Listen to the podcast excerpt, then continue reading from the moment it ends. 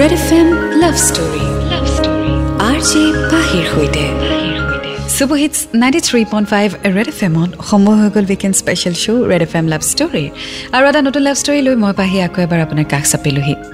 আজি যিটো ষ্টৰী পঢ়িব ওলাইছোঁ সেই ষ্টৰীটি পঠিয়াইছে দীপ্তিয়ে। তেওঁ নিজৰ ষ্টৰীটিৰ নাম দিয়া নাই গতিকে মই এটি তেওঁৰ নাম দিব বিচাৰিছোঁ ষ্টৰীটিৰ আৰু সেয়া হৈছে নাজানো কিয়।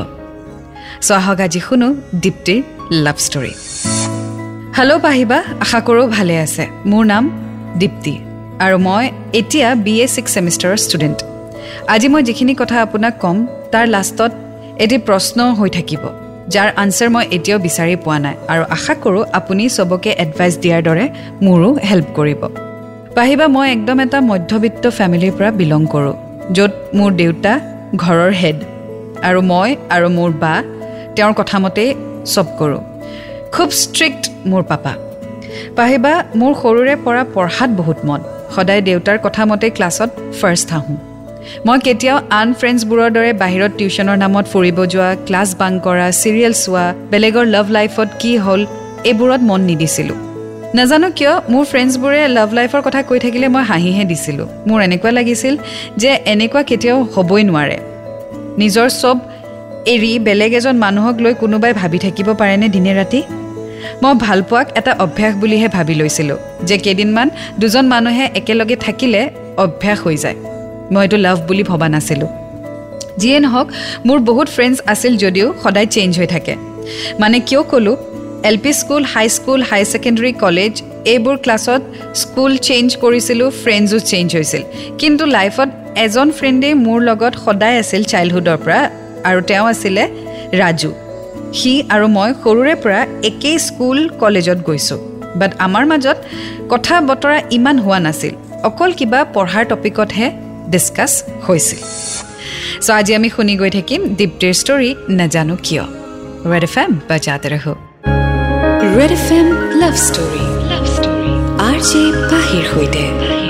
Welcome back and super hits ninety three point five red F এমত মই আপোনাৰ সৈতে পাহি। শুনি আছে আপুনি weekend special show' red F M love story আজি শুনি আছোঁ দীপ্তিৰ ষ্টৰী নাজানো কিয়। আগলৈ তেওঁ লিখিছে এনেকৈ আমি স্কুল লাইফ পাৰ কৰি হায়াৰ ছেকেণ্ডেৰী আহি পালোঁ। নিউ স্কুল চব অচিনাকি মানুহ। তেতিয়া মই তাৰ ফালে চাই এইটোৱে ভাবিছিলোঁ যে চিন্তা নাই। সি মোৰ ফ্ৰেণ্ড আছে। বাট সি তেতিয়া তাৰ আনবোৰ ফ্ৰেণ্ডছৰ লগতহে বিজি থাকিছিল। গতিকে ময়ো নিজৰ মতেই ক্লাছ কৰিব ধৰিলোঁ। এইচ এছ ফাইনেল দিয়াৰ আগত আমি পঢ়াত বহুত মন দিলোঁ। সেইটো টাইমত মোৰ টিউশ্যন টিচাৰ নাছিলে আৰু সেইকাৰণে সি মোক বহুত হেল্প কৰিছিল। আৰু ময়ো তাৰ ডাউটবোৰ ডিছকাছ কৰি একেলগে বহি ক্লিয়াৰ কৰিছিলোঁ। সেইটো টাইমত মই তাক ভালকৈ জানিব পাৰিলোঁ আৰু আমাৰ এক্সাম আহি পালে। দুয়োজনেই ভালকৈ এক্সাম দিলোঁ। সদায় এক্সাম দি আহি সি মোক কল কৰিছিল আৰু আমি মেক্সিমাম এক ঘণ্টামান ফোনত ডিছকাছ কৰিছিলোঁ এক্সামৰ বিষয়ে। তাৰ ৰিজাল্ট ক্লাছ ইলেভেনলৈকে ইমান ভাল হোৱা নাছিল। কিন্তু এইবাৰ তাৰ ৰিজাল্টে চবকে আচৰিত কৰি দিছিলে।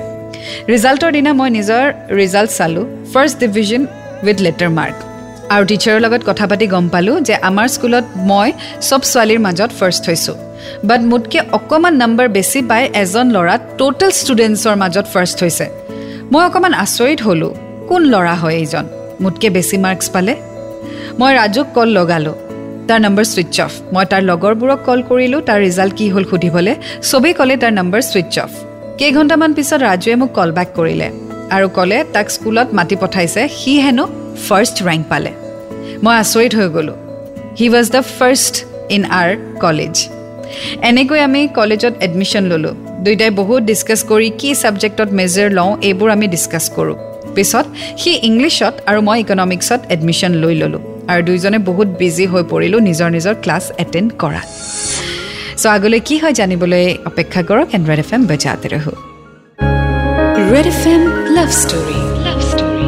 R J পাহিৰ সৈতে। ৱেলকাম বেক শ্ব' চলি আছে weekend special red F M love story. মই আছোঁ আপোনাৰ সৈতে পাহি।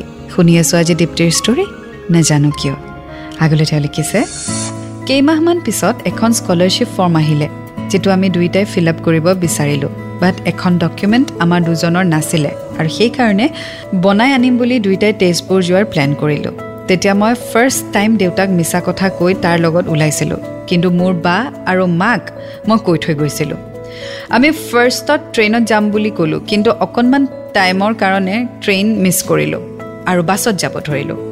মই গোটেই ৰাস্তা বমি কৰি কৰি গ'লোঁ আৰু সি মোক এগৰাকী মাৰ দৰে কেয়াৰ কৰি গৈছিলে।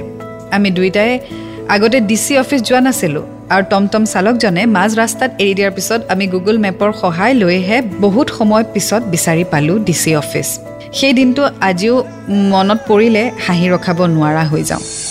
চ' দুয়ো একেলগে ডি চি অফিচ গ'ল তেজপুৰৰ। এটা কথা গম পালোঁ যে দুয়ো খুব বেছি পঢ়াক লৈ ব্যস্ত।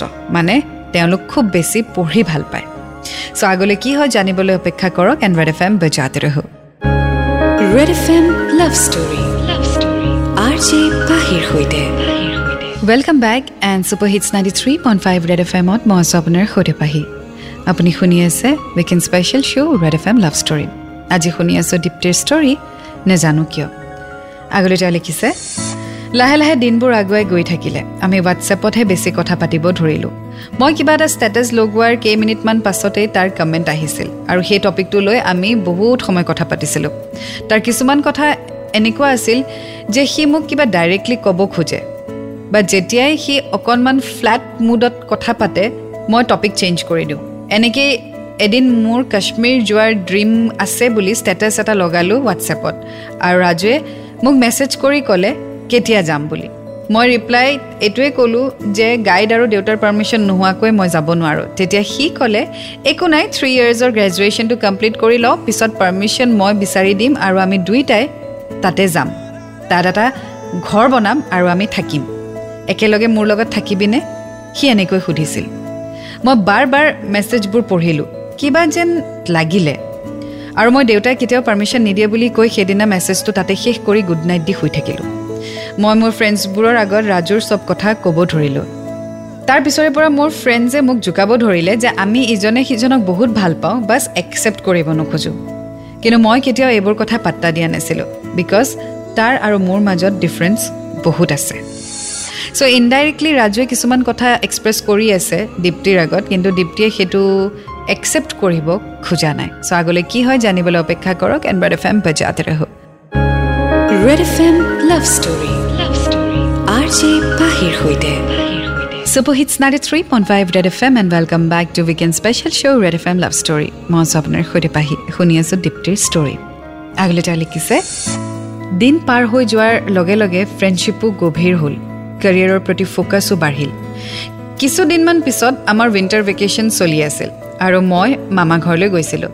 এদিন ৰাতি টোপনি অহা নাছিল কাৰণে মই তাক মেছেজ কৰা ষ্টাৰ্ট কৰিলোঁ। কথা পাতি পাতি বহু ৰাতি হৈছিল।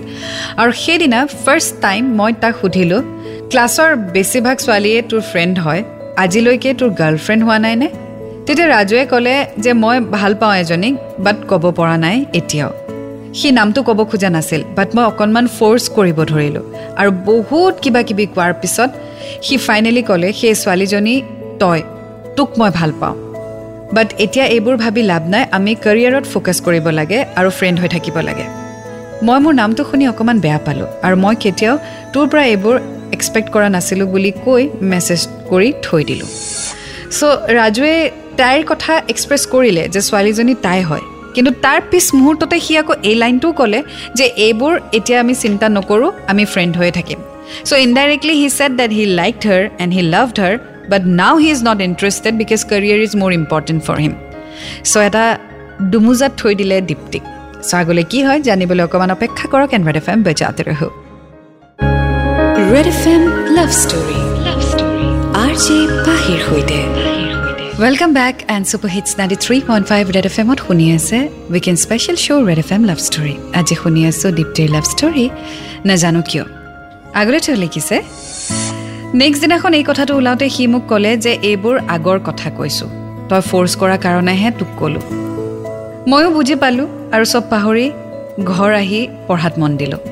বাট এই দিনটোৰ পিছৰে পৰা নাজানো মোৰ কি হ'ল মোৰ তাক ভাল লাগিব ধৰিলে। মই কিবা এটা বেলেগ ধৰণে ফিল কৰিবলৈ ধৰিলোঁ।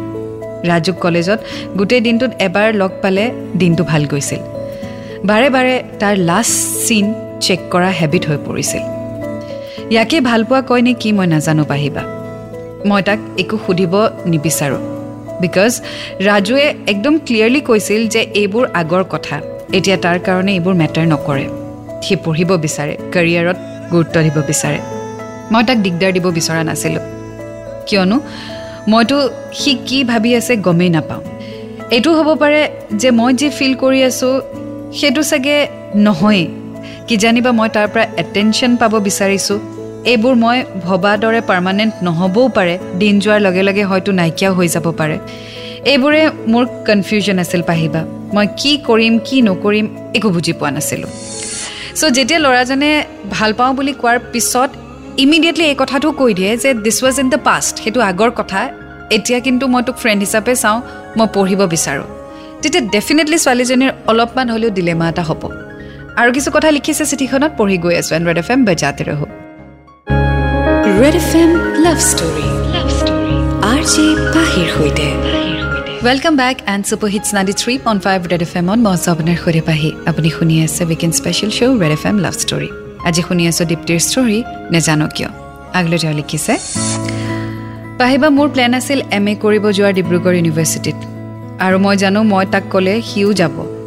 চ' আৰু অকণমান টাইম পাম ইজনে সিজনক বুজিবলৈ ইজনে সিজনক কেয়াৰ কৰিবলৈ। কিন্তু আনফৰ্চুনেটলি মোৰ পৰিস্থিতি ইমানেই বেয়া হ'ল যে মই আৰু এডুকেশ্যন কণ্টিনিউ কৰিব নোৱাৰিম। চ' মই এতিয়া ফেমিলিক ছাপৰ্ট কৰিব লাগিব। আহি থকা দিনবোৰ মোৰ কাৰণে বৰ কষ্টৰ হ'ব পাৰে। মই এতিয়াও জানো ৰাজু হায়াৰ ষ্টাডিৰ কাৰণে যাব। চ' মই কিবা এটা ডিচিশ্যন ল'ব বিচাৰোঁ যাতে কামত মই ফ'কাছ কৰিব পাৰোঁ আৰু কেতিয়াও গিল্টি ফিল কৰিব নালাগে। আৰু ৰাজু তই যদি শুনি আছ পাহিবাৰ কথাবোৰ চ' প্লিজ কণ্টেক্ট কৰ মোৰ লগত। আৰু এই ফিলিংছবোৰ ফিল হৈ আছে এইটো ভাল পোৱা নে আন কিবা হেল্প কৰ মোক বুজি পোৱাত ইয়াতে আজি চেছ কৰিলোঁ। আশা থাকিলে আপুনি কিবা এটা চলিউশ্যন দিব পাহিবা। By well Dipti it's very simple and clear তুমি ডিৰেক্টলি তাৰ লগত কথা পাতা। নিজে নিজেই এজিউম কৰি থকাতকৈ ডিৰেক্টলি তাৰ লগত কথা পাতি ক্লিয়াৰ হৈ লোৱা। এতিয়া বৰ্তমান যিটো তুমি চিটুৱেশ্যনত আছা সেইটো হৈছে এজামশ্যন তুমি ধৰি লৈছা তুমি নিজৰ এটা ধাৰণাৰ পৃথিৱীত ভৰি পৰিছা। চ' এই যিবোৰ ধাৰণা ধৰি আছা বা যিবোৰ ধাৰণা কৰি আছা তুমি সেই ধাৰণা কৰি থকাতকৈ ডিৰেক্টলি মানুহজনক তুমি ফোন কৰা। And the best part is তোমাৰতো সি ফ্ৰেণ্ড হয়। চ' ৰাজুক ডিৰেক্টলি তুমি ফোন কৰি ডিৰেক্টলি কথাবোৰ পাতি ক্লিয়াৰ হোৱা। Either it's a beginning or it's an end so' I don't think so' যে তুমি এটা কনফিউজনত থাকিব লাগে। ডিৰেক্টলি ফোন কৰি ক্লিয়াৰ হোৱাটো ভাল। And I wish you all the best well এয়া আছিলে আজিৰ লাভ ষ্টৰী নেজানো কিয় ৰেড এফ এম বজাতে ৰহো red F M love story love story R J পাহিৰ সৈতে ৱেলকাম বেক শুনি আছে আপুনি weekend special show' red F M love story আপুনি যদি ইউটিউবত শুনি আছে red F M Assamese YouTube চেনেলত this is the correct channel অন্য কোনো চেনেলত red F M love story upload নহয় যিসমূহ লাভ ষ্টৰী আপলোড কৰা গৈছে সেইসমূহ পাইৰেটেড চেনেল হয় চ' প্লিজ আপোনালোকে red F M Assamese YouTube চেনেলতে শুনিব। তাৰ লগতে আপুনি যদি চিঠি পঠিয়াব বিচাৰিছে ঠিকনা দি ফেচবুক ইনষ্টাগ্ৰাম চবতেই পাব। আপুনি চিঠিখন লিখোঁতে কেয়াৰফুলি অকণমান লিখিব এইটোৱে যাতে কোনো ধৰণৰ ভায়লেঞ্চ আপুনি তাত মেনশ্যন নকৰে আৰু ছ'চিয়েলি যাতে একচেপ্টেবল হয় আপোনাৰ ৰিলেশ্যনশ্বিপটো সেইটোও চাব। আৰু আপোনাৰ বয়স ওঠৰ বছৰতকৈ বেছি হ'ব লাগিব। তাৰ লগতে যিমান যি যি ঘটনা হয় আপোনাৰ লাভ ষ্টৰীত সেইখিনি মোৰ সৈতে শ্বেয়াৰ কৰিব। কিবা ইনচিডেণ্ট মেমৰিজ যদি আছে সেইবোৰ শ্বেয়াৰ কৰিব। একেবাৰে চুটিকৈ লাভ ষ্টৰীটো লিখি দিলে আমাৰ ড্ৰামা দিবলৈ অসুবিধা হয়। কাৰণ আমি নিজেই নিজৰ ফালৰ পৰা ড্ৰামা ভৰাই দিব নোৱাৰোঁ। We believe in real stories so' আপোনাৰ যিটো ঘটনা হয় বা হৈছে বা যদি আপোনালোকৰ কনভাৰ্চেশ্যন ইণ্টাৰেষ্টিং কিবা তেনেকুৱা আছে সেয়া আমাৰ সৈতে শ্বেয়াৰ কৰিব যাতে আমি ড্ৰামা দিব পাৰোঁ। আৰু যদি একেবাৰে প্লেইন চিম্পল ষ্টৰি এটা লিখি পঠিয়াই দিয়ে আমি তাত ড্ৰামা দিব নোৱাৰোঁ। কাৰণ আমি নিজৰ ফালৰ পৰা নিজে এজিউম কৰি কিছুমান ঘটনা সোমাই নিদিওঁ which is against our protocol তাৰ লগতে আমি পাৰ্টনাৰৰ নাম চেঞ্জ কৰি দিওঁ বিকজ অফ ছেফটি পাৰ্পাজ কাৰণ আমি ডেৰ বছৰ পুৰণি ষ্টৰিজ পঢ়ি আছোঁ যিসমূহ আগতেই আহিছে। গতিকে এই ডেৰ বছৰত কাৰোবাৰ ৰিলেশ্যনশ্বিপ ষ্টেটাছ চেঞ্জো হৈ যাব পাৰে। চ' সেইটো গেৰেণ্টি আমি নলওঁ। সেইকাৰণে আমি পাৰ্টনাৰৰ নাম চেঞ্জ কৰি দিওঁ for safety and privacy so' I hope you will understand so' please আপোনালোকৰ ষ্টৰিজসমূহ মোলৈ পঠিয়াই থাকিব চিঠিৰ যোগেদি। আকৌ লগ পাম এটি নতুন লাভ ষ্টৰীৰ সৈতে until then take care of yourself to fall in love It's a great feeling. You will get to learn a lot. And always remember, I love you. Red FM, bajate raho.